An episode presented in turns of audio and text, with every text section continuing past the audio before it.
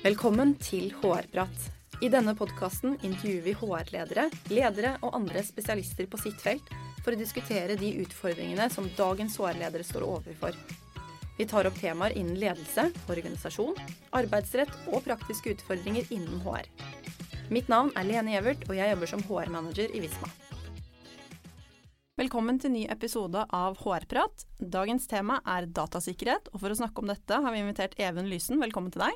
Tusen takk for det. Kan ikke du begynne med å fortelle oss litt om deg selv? Eh, ja, eh, jeg jobber til daglig som konsulent i Visma Consulting, og er eh, primært sikkerhetsoppgaver. Men jeg er sikkerhetspotet, så jeg gjør alt fra pentesting til eh, risikoanalyser til ja, implementering av forvaltning av sikkerhet i virksomheter, små og store. Ja. Og nå sitter du i en HR-podkast og skal snakke litt. Det gjør jeg. Min første. Ja. Eh, GDPR har jo økt bevisstheten til HR og stilt krav til hvordan vi behandler data. Eh, hvilke utfordringer mener du at virksomheter står overfor når det kommer til datasikkerhet? Oh, eh, det er mye. Ja. Men eh, for, bare så det er sagt, Norge er ikke verst i klassen eh, da det gjelder sikkerhet. Eh, vi er nok en av de bedre i Norge. Eller bedre i verden, mener jeg. Ja. Eh, men, eh, Men- det er nok av ting å ta tak i. Ja. Det positive med GDPR er at nå får sikkerhetsfolk audiens med ledelsen ofte. Og okay. det kommer litt penger til det. Mhm. Det har vært litt utfordrende tidligere. Det har vært litt sånn nice to have. Ja, det Ja. har vært veldig nice to have. Vi liker å si at sikkerhet er i dag der testet og kanskje UX var for en ti år siden. Da. Ok. At eh, alle teknikere ser behov, men det er ikke alltid like lett å få gjennomslag. Men ting som de står overfor er jo det å beskytte dataene sine.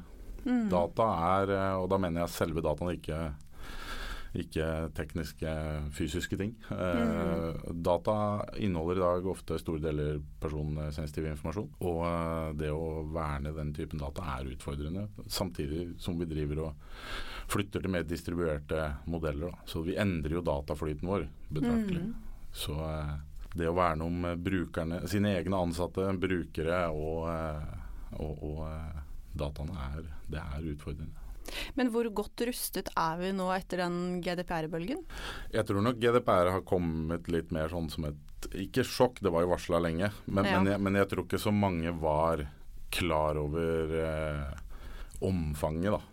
Det, det er ganske mye GDPR sier at eh, sluttbrukere og vanlige mann i gata har noe krav på. Eh, og det har nok gjort en del endringer, eh, eller driver og skaper endringer i hvordan eh, virksomheter driver. Spesielt med hva du faktisk har lov å bruke data til. Eh, I mange mange år, sikkert siden tidenes morgen, så har vi brukt skarpe data da vi utvikler applikasjoner. Uh, det har man kanskje ikke alltid lovhjemmel for å gjøre. Nei. Da må man finne andre måter å drive utvikling, som f.eks. syntetiske testdata, da, som nå driver og kommer som en storm. Ja. Og det er positivt. Men eh, når du sitter og snakker om de tingene, så Mm. kan det høres litt sånn ja ja, beskytte data. Beskytte data mot hvem da? Altså Ja, nei, du, du, du har Det er mange forskjellige typer trusselagenter, men, men store norske virksomheter, så er det klart eh, fremmede stater og organisert kriminalitet, og kanskje politiske aktivister, som er de tre litt sånne eh, store som kanskje målrettet kan gå etter deg. Da. Du har jo selvfølgelig sånne mm, ja, rekreasjonelle hackere som kan finne bare sånn tilfeldigheter òg. Eh, men jeg vil si at de største utfordringene er fremmede stater og organisert kriminalitet.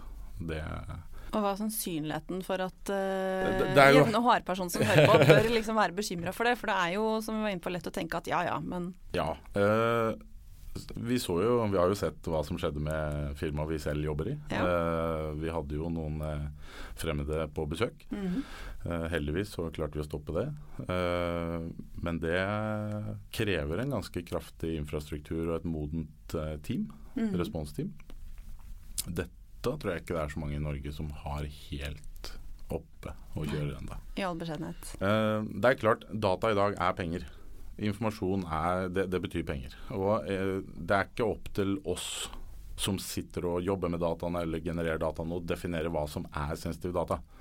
Det er det angreperne som egentlig definerer. For det Ja. som kan se ut som banal informasjon for oss, uh, som vi da kanskje ikke liker å putte så mange sikkerhetskontroller på, kan få en helt annen betydning hvis du kobler det med et datasett fra et annet sted. Ja. Og uh, dette skjer jo hele tida. Og vi ser jo det at uh, da folk bryter seg inn for å stjele data, så er det det er ikke alltid de er så sånn målbevisst på hva de skal ha. De bare vet at hvis jeg får tak i data, så kan jeg selge det på the, dark web, eller darknet, som mange sier. Og da starter det ofte med en høy pris, og så synker prisen etter forespørsel og popularitet. Og hvis ingen kjøper, så kommer det bare, blir det dumpa gratis på torrentsider, f.eks. Okay. Så det, Men, men jeg, jeg blir jo ofte kalt litt sånn paranoid og tinfoil og sånne ting. Eh, men, men vi skal ikke kimse over at eh, PST har jo vært ganske tydelig på hva eh, offentlige virksomheter og store norske selskaper faktisk må begynne å tenke på. Mm. Vi ser jo Norske Hydro f.eks. at de hadde en eh, kjempeutfordring.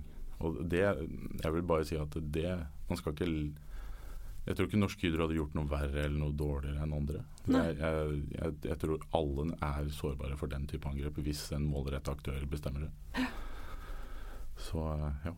Men er det noe som alle bør frykte? Er, for det, ja, jeg er jo tilbake der liksom, ja, men det er jo ikke alle som er Hydro eller Visma eller Nei da, men, altså, men eh, du Hvem er disse angriperne, og hvor utsatte er liksom jevne norske virksomheten? Ja, En uh, tidligere kollega av meg var medlem av en uh, liten sportsklubb. De var ikke mer enn sju stykker. Og til og med de blir utsatt for uh, phishing-angrep, og hvor det er forsøk på å få penger. da. Mm. Og med en gang du har mista data, så vil du aldri få den tilbake. Den er ute hos andre aktører for godt. Mm. Eh, vi ser at eh, identitetstyveri eh, øker kraftig. En populær metode som politiet har varsla om nå i det siste, er jo at en såkalt ansatt ringer og vil endre kontonummeret som lønna skal Mm. komme ut på. Og de har jo suksess. Ja. Andre ting er jo fremmede stater som er De er ikke nødvendigvis interessert i penger. De vil jo ha informasjon om hva vi driver med. Mm. Og eh, de vil jo helst da bare ha tilgang til systemene våre for å, å vite hva vi driver med. Intellektuelle eh, properties og ja, strategiske planer framover. ja. Men hvorfor en vanlig person i gata skal frykte dette? Eh, ja, det er eh, Du sitter jo nesten på nettet hver dag. Du genererer ganske mye data hver dag. Mm. Eh, I motsetning til olje- og naturressurser så får vi bare mer og mer data. og Den blir vanskeligere og vanskeligere å håndtere. Mm. Så eh, hvis du er en helt A4-person som ikke har noen ting du er flau over noen gang, så ja ja, så ta, lev deretter. Men eh, jeg velger å tro at de fleste mennesker har, selv om det ikke er kriminelt eller ulovlig, så har vi noe vi ikke har lyst til at offentligheten skal vite om oss. Ja. Og eh, vi glemmer kanskje ofte at det vi gjør på tastaturet, det blir lagra, logga, analysert. Og mennesker får tilgang til det. For det er jo lett å tenke at ja, men jeg har ingenting å skjule. Ja. Eh, og jeg kan jo si det for min egen del, jeg har Ja. jo ingenting å skjule. Eh, Men jeg kjenner jo likevel jeg blir litt sånn Jeg får litt høyere puls når du sier det. Ja, alle har noe å skjule. Eh, alle har et eller annet som de ikke vil at eh, kanskje utenom familien bare det, Familien skal vite, ingen andre. Mm. Eh, det gjelder alt fra f.eks. sykdommer eller hendelser som har vært i livet som du ikke vil at andre skal vite om. For det er, hvis det er flaue ting, så kan det ofte bli brukt som utpressningsgrunnlag. Eh, ikke bare for penger kanskje av deg, men for det en angriper ofte vil ha til et firma, er f.eks. tilgang til en konto. Mm. Så hvis de har funnet noe flaut på deg som du virkelig skammer deg over, eller ja, en situasjon du ikke kommer ut av, f.eks. at du har masse kredittkortgjeld, den type ting. Dette er ikke ting du syns er så gøy at kollegene dine vet, kanskje. Eh, selv om det er ikke kriminelt. Så eh, eh, da, da kan de bruke det mot deg for å få tilgang til Visma, Ja. for eksempel. Da. Det så, og da man sier at ikke har noe å skjule, så for å sitere en film jeg ikke så for lenge siden det, det, Har du lyst til å vise alt, da? Har du lyst til å at, eh, dele passordet ditt i e-posten din? Sette opp et kamera i huset ditt så alle kan se på deg når som helst? Ja, for det er jo egentlig et spørsmål. Det kommer jo hele tiden tips om at da, men du skal være forsiktig med å bruke åpent nett. Du skal ikke bruke samme passord overalt. Og så Mm. tenker man jo lett sånn Det er vel ikke så farlig. Samme det passord overalt. eh, Jeg kan ta stegvis de. Eh, Samme passord overalt må man passe for. Mm. Fordi det er forskjellige grader av sikkerhet på forskjellige applikasjoner. Så selv om kanskje Google har kjempebra sikkerhet, så hjelper det veldig lite hvis eh, Audi-klubben som du har brukt samme passord på, eh, lagrer det her i klartekst på en database som er dårlig sikra. Mm. For da hvis du bryter inn den databasen, da, så det første en angriper gjør da, er å putte den kombinasjonen av et passord og en eh, e-mailkonto, og bare nummerere alle sosiale nettverk for å se hvor de får innlogging. Ja. Så da vil du bruke det for å sjekke gmailen min, du vil Alt. bruke det for å sjekke Facebook, Facebook, Twitter, alt. you name it. Ja. Alt. Alt du kan tenke deg. Ja. Og øh, i tillegg så folk må slutte å tenke passord. Tenk heller passetning. Uh, lengde er øh, mye bedre enn mye kompleksitet og kort. Ja. Så lag heller I stedet for setning. første hunden din og 98 da du fikk den, så Ja, Jeg ville holdt meg unna veldig personlige ting i passordet. Mm. Eh, men det går på lengde. Ja. Eh, den andre du nevner, med å koble seg til åpne nettverk og sånn på hoteller og uh, kafeer og sånn, eh, det er ikke det at å koble seg til det åpne nettet i seg selv er så ille. Det er muligheter å kunne kontrollere det til en viss grad for, for en hotellkjede, så det ikke er så farlig. Eksempel, det er ikke noe bedre om de har et sikra nett og så er det et enkelt passord som du finner i resepsjonen. Det er- står, det står Ja, som regel i resepsjonen. Det står i heisen heisen og alt mulig. eh, Og, og det, morgen. Ja. det, det er ikke det jeg eh, mener er risikoen, egentlig.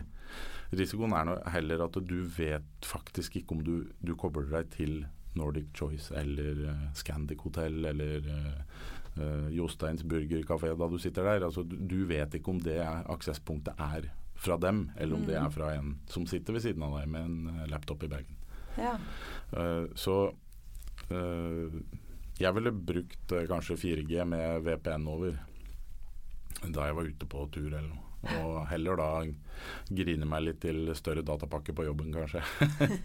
jeg mener det har eh, litt bedre sikkerhet, da. Ja. Men jeg vil bare understreke at det er ikke det åpne nettet i seg selv som er så dårlig eller fælt eller noe. Det er bare at eh, vi vet ikke alltid hvem vi kobler oss Hvem til. andre vi slipper inn. Ja. Ja, For hva er det de kan gjøre da? Nei, Hvis du kobler deg på et ondsinna nettverk, så kan jo de eh, se ganske mye av trafikken og hvor du går og sånn. Eh, de fleste ting i dag benytter noe som heter HSTS-laget på HTTP-protokollen. Det betyr at de tvinger fram en, en uh, sikra eh, en kobling da, mellom din maskin og tjenesten. Så det er ikke alltid så farlig. Den Mm. beskytter faktisk veldig, veldig mye. Men, eh, Men sitter du og holder på med jobbting, eller privat for den saks skyld, så er du i større grad utsatt enn om du bruker et ja, 4G, eller når du sitter på jobben og bruker et nettverk du vet er trygt. Ja. Ja. Det gjør det. For du vet ikke hvem som er naboen din der, og du vet ikke om kapabilitetene til deres. Men jeg må understreke igjen, sannsynligheten er lav, Ja. men konsekvensen kan være høy. Man bør i hvert fall være litt obs på Man det. skal være obs på det. Ja. Men jeg vil bare si at eh, sikkerhet er litt sånn iffy, da. For det, det lønner seg ikke å bli som meg, for jeg er jo miljøskada fordi jeg sitter der hele tida. Mm. Uh, og hvis jeg, skulle gjort alt så sikkert som mulig hele tida, så ville jo ting blitt veldig komplisert å bruke. Mm. Det handler om å se på hva forretningsbehovet ditt er, og hva er risikoen. Og så må du enten akseptere risikoen, eller så må du tilføre noen tiltak som er kostnadsmessig eh, OK. Da. Mm. Så dette er ikke noe lett Det er ikke noe sølvkule som gir godt svar på alt her. Nei, men det, man trenger kanskje ikke å bli helt paranoid, men man bør vel kanskje ha et uh, greit overblikk over de risikoene som faktisk eksisterer, Ja. og ta et aktivt valg i forhold til egen virksomhet kanskje, og privatliv. Eh, jeg liker å si skill alltid mellom virksomheten, altså jobblivet ditt og kontoen du har der, og de private. Men det er jo en neste utfordring egentlig, fordi vi tar jo med oss eh, PC, mobil, annet utstyr som vi får fra jobb, tar vi jo med oss hjem og ut i privatlivet, og i større grad så tar vi også med oss private teknologiprodukter på jobb. Ja. Hva skjer når disse grensene viskes ut? Nei, det siste du sier er jo kanskje det som er mest utfordrende. At vi tar med oss private enheter på jobb som vi kobler til jobbnettverket. Dette er jo eh, ofte enheter som ikke er håndtert av virksomheten du jobber i. Hva slags type enheter er det som regel snakk om da? Nei, Det kan jo være alt fra nettbrett, private PC-er, eh, private telefoner, ja, eh, smartklokker. Vi vet jo i dag f.eks. at eh, alle sånne IOT-enheter har ikke alle, men, men, store deler av de har veldig svak sikkerhet. Da. Du kan tenke deg Hver gang du kjøper et konsumiprodukt, på Elkjøp eller Power eller noe sånt, så er firmwaren da, det som på en måte, den koden som snakker med hardwaren, og som kan gjøre at du kan interakte med det mm. og kjøre opp alt der, den, den, er jo ofte utdatert for seks måneder siden, da du kjøper det i butikken. Og det er veldig få som går inn og oppdaterer en firmware på f.eks. en ruter eller noe de har kjøpt i en butikk. Mm. Uh, med smartenheter så er det uh, litt bedre f.eks. hvis du har Apple, for den oppdaterer seg sjøl hele tida, og det er et lukka økosystem. Men for de mer åpne systemene så, så, kan det her være at du har mer ansvar på deg selv. Ja. For de finner jo sårbarheter i software hele tiden. Ja. Så uh, man må oppdatere. Det er veldig viktig, uansett hva du har. Oppdatere. Om det er et kjøleskap eller en laptop. Ja. Men i forhold til dette med oppdateringer, en annen ting er jo hva brukes dataene til. Eh, enten de er trygge eller ei, så er det vel kommet flere og flere eksempler på at noen selger jo dataene dine videre også? Ja. Eh, det er Mange stiller spørsmål hvorfor sikrer de ikke dataene bedre. Hvorfor blir de ikke alt sikra? Vel, altså sosiale medier er, veldig mange av de, er jo egentlig reklamefirmaer. De lever av å selge reklame, målretta reklame. Og de lever av å selge data. Og det er ganske mye informasjon de får av oss da vi har en puls, en sånn eh, smartklokke som måler pulsen vår. og Dette kan jo gå sjekke helseting. Mm. Uh, de, kan, uh, de, kan, vite hva vi gjør med banken, hvilke banker vi har, og alt om oss egentlig kan de finne ut. Den dataen her kan da selges til de som er interessert i det. Og et forsikringsselskap er f.eks. ganske interessert i uh, hva du brukte trumfkortet ditt til. Mm. For det, hvilken mat du kjøper, kan ofte diktere noe om din sunnhetsskala på livsstil. da.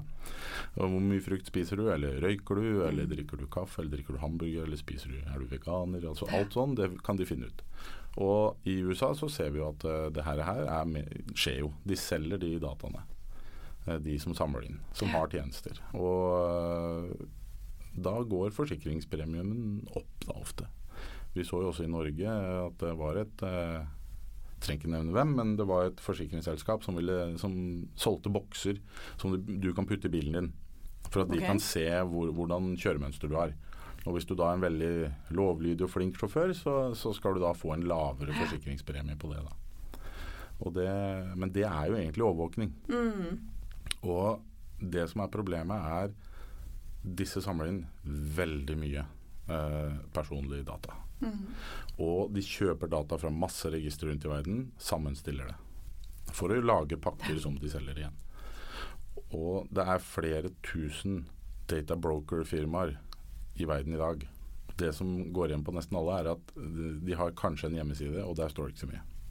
De er veldig hemmelighetsfulle, hvem som er kunden deres, og hvordan de får tak i dataen sin.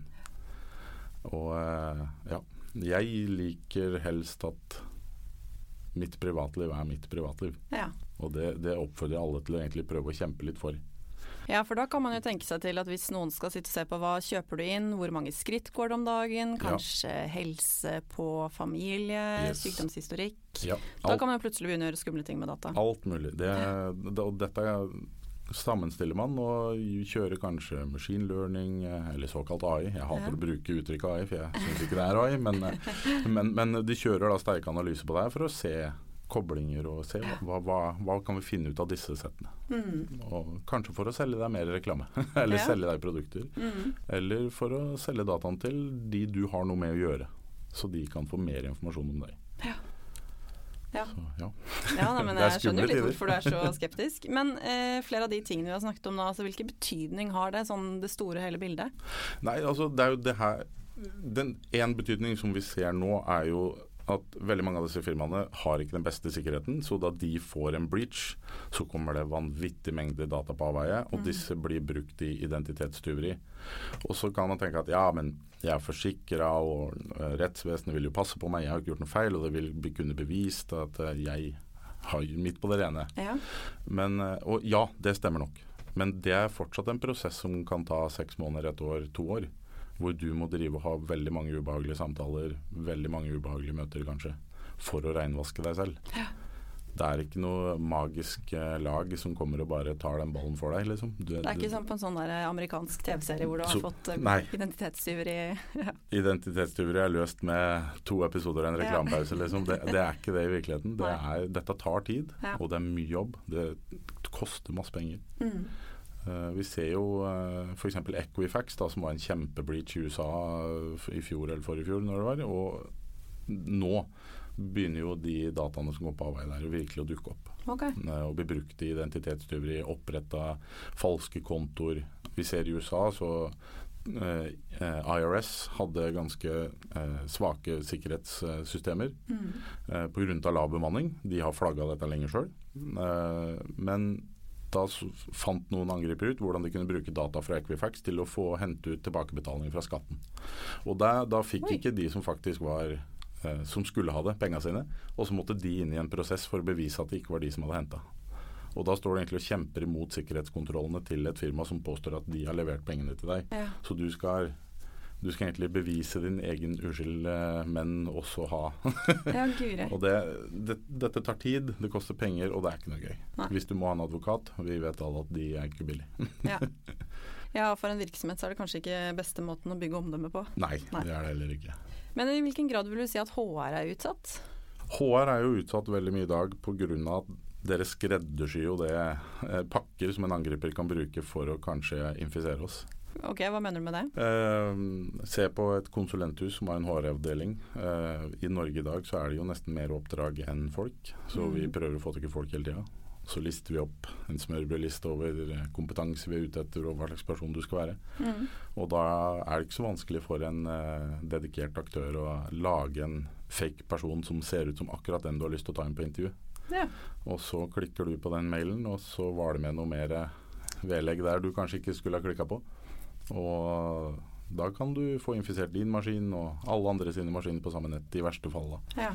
Så eh, her er det jo egentlig sånn sky's the limit. Det finnes jo så mange forskjellige Men er det mest i rekruttering, eller er det andre eksempler på ting som du kanskje ser eller vet at dukker opp oftere? Nei, det er den, eh, det der med å bli social engineera med spearfishing-mails, da, Ja. som gjør at du trykker på et vedlegg eller besøker en nettside. Hvis f.eks. du har en utdatert nettleser og du går på en nettside, så kan det være nok til at eh, din maskin blir infisert med noe som begynner å skanne nettverket rundt om på, Ja. på, eh, på huset. Eller at de bare får tilgang til eh, påloggingen din i Facebook eller Gmail eller noe, for det ligger kanskje som en cookie i nettleseren din. Så vedlegg er alltid skummelt, og HR åpner mye vedlegg og leser mye Mange søknader å se mange søknader å se over. Mange steder de kanskje vil gå. En person sier kanskje ja, og så gjorde jeg dette prosjektet, du kan se på det på denne serveren. Så ligger det med en link. Så kanskje en HR da klikker for å se hva var det de lagde. Og alt kan se bra ut. Ja, Det kan være en fin løsning der. Men så er det da noe mer der altså, som opererer i bakgrunnen. Ja. Så har man god antivirus og alt mulig sånt, så, og oppdaterte systemer, eh, en eh, infrastruktur og, som er eh, sikra, så skal det litt til. Men det er det som kalles zero days. da, Det er ukjente, altså så langt ikke kjente sårbarheter. Så klarer ikke alltid det vi har på IT-støtte her, å stoppe det. Nei. det. Du får ikke kjøpt deg unna det, for å si det sånn. Nei. Men hvordan skal man da gå frem for å øke sikkerheten i egen virksomhet? Jeg mener at den beste måten fortsatt er å skape kultur. Sikkerhetskultur, sikkerhetsawareness. Ja. Eh, og her kan HR virkelig bidra. For eh, jeg har prata med masse teknikere, eh, og ja, kanskje du vinner over én der eller to, Mm. men de sprer jo ikke noe budskap noe særlig utover. De sitter der de sitter, og kanskje teamet får litt, men, men hvis du skal bygge det her i en bedrift, så ville jeg tatt med HR og lederne. Mm. For hvis ikke insentivene kommer fra lederne, så, så, så skjer det ingenting. Nei. Og du må måle det her. Du må finne metrikker som du kan måle. Ja. Har du noen eksempler på gode med Ja, du kan uh, Hvor mange har tatt sånne såkalte kjedelige kurs Ja. for, på awareness? Uh, du kan kjøre enkle tester på dem for å se klarte de å uh, kjenne igjen f.eks. spearfishing mails og alt mulig. Og du kan gå på IT-infrastruktur og la de Hvor mange angrep stoppa vi Ja. denne uken? Eh, se på logger. Det er eh, ja, er- du kan bare finne metrikker som passer din forretningsvirksomhet. Mm. Men hvis vi da skal, eh, før vi runder av, så er det jo sikkert flere som hører på som også har, eh, på samme måte som meg, fått litt høyere puls i løpet av denne lille praten. Eh, hvilke tre råd vil du liksom anbefale de som hører på, for å sette i gang med å jobbe med eh, å øke datasikkerheten i egen virksomhet? Liksom første tre ja, I virksomhet, Ja. eh, ja. eh, For en virksomhet Eller for egen del, hvis det er noen sånne klare Ja. ting. Eh. Nei, alle, pass på eh, at du bare bruker software som er godkjent av uh, IT i, eh, i bedriften din. Mm. Uh, ikke bruk det som kalles skygge-IT. Eh, med en gang du drar inn eh, applikasjoner som du egentlig ikke har fått av IT, så drar du inn ting som du sjøl må manage. Og det kan ha med, med seg sikkerhetshull som blir utnytta. du får det du måler. Så hvis ikke ledelsen og andre er med og sier at sikkerhet er viktig, så da vil du ikke få sikkerhet som fungerer i, i bedriften tror jeg. Ja. Du må ha metrikker som du kan se at ja, vi jobber med sikkerhet, og vi har en progresjon. Mm. Sikkerhet er som alt annet, det endrer seg hele tiden. Det skjer noe nytt hele tiden. Så dette er ikke en statisk ting du gjør én gang. Dette er nå en del av virksomheten din hver dag. Og det er en del av alle hjørner i virksomheten din. Det er ikke en egen ting som bare noen gjør på siden. Så eh, ja. eh, Det tredje er jo eh, at Jeg vet ikke. Jeg ville kanskje jobba hardt med å sikre dataene mine. Mm. Og sikre brukerkontoer og tilgang til data. Jeg ville hatt masse logging. Og så begrensa tilgang for ansatte. Du trenger ikke å ha mer tilgang enn det du skal jobbe med. Mm. Dette er det mange som bommer litt på. Eh, altså Jeg vil at de skal følge least privilege-tankegangen. og så skulle jeg ønske flere brukte kryptering. Okay. At de krypterte dataene sine. Mm. Uh, det har mista mange milliarder Hvis du ser på breach index da, på nettet, så har vi jo mista mange milliarder såkalte data records. Og bare 4% av de er det som kalles en secure breach. Det betyr altså bare 4% tilfellene så, så var det krypterte data. Så da angriperen fikk de, så var de ubrukelige.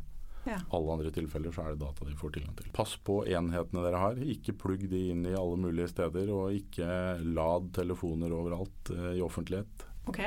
Uh, nei, hvis du kobler en USB-kabel eh, til telefonen din på en offentlig ladestasjon, og den har en litt annen chip inni seg enn det du tror, så kan den overføre data. Og da er jo telefonen din ofte låst opp da du gjør dette her. Og da kan den hente ut data i din brukerkontekst. Så eh, vær veldig forsiktig med eh, altså endepunkter, da, som vi kaller det. Laptoper, telefoner, alt mulig som har eh, bruker-credentials i seg. Mm. For det er det en angreper trenger for å kunne gjøre noe med skyen. Jeg skjønner jo hvorfor du er litt eh, paranoid når man skal si det på den måten. Ja, Men eh, tusen takk for gode råd, og tusen takk for at du kom. takk for det. Og til deg som hører på, vi prates. Hvis du har temaer eller spørsmål du ønsker vi skal diskutere, send oss gjerne en mail på hrprat.visma.com.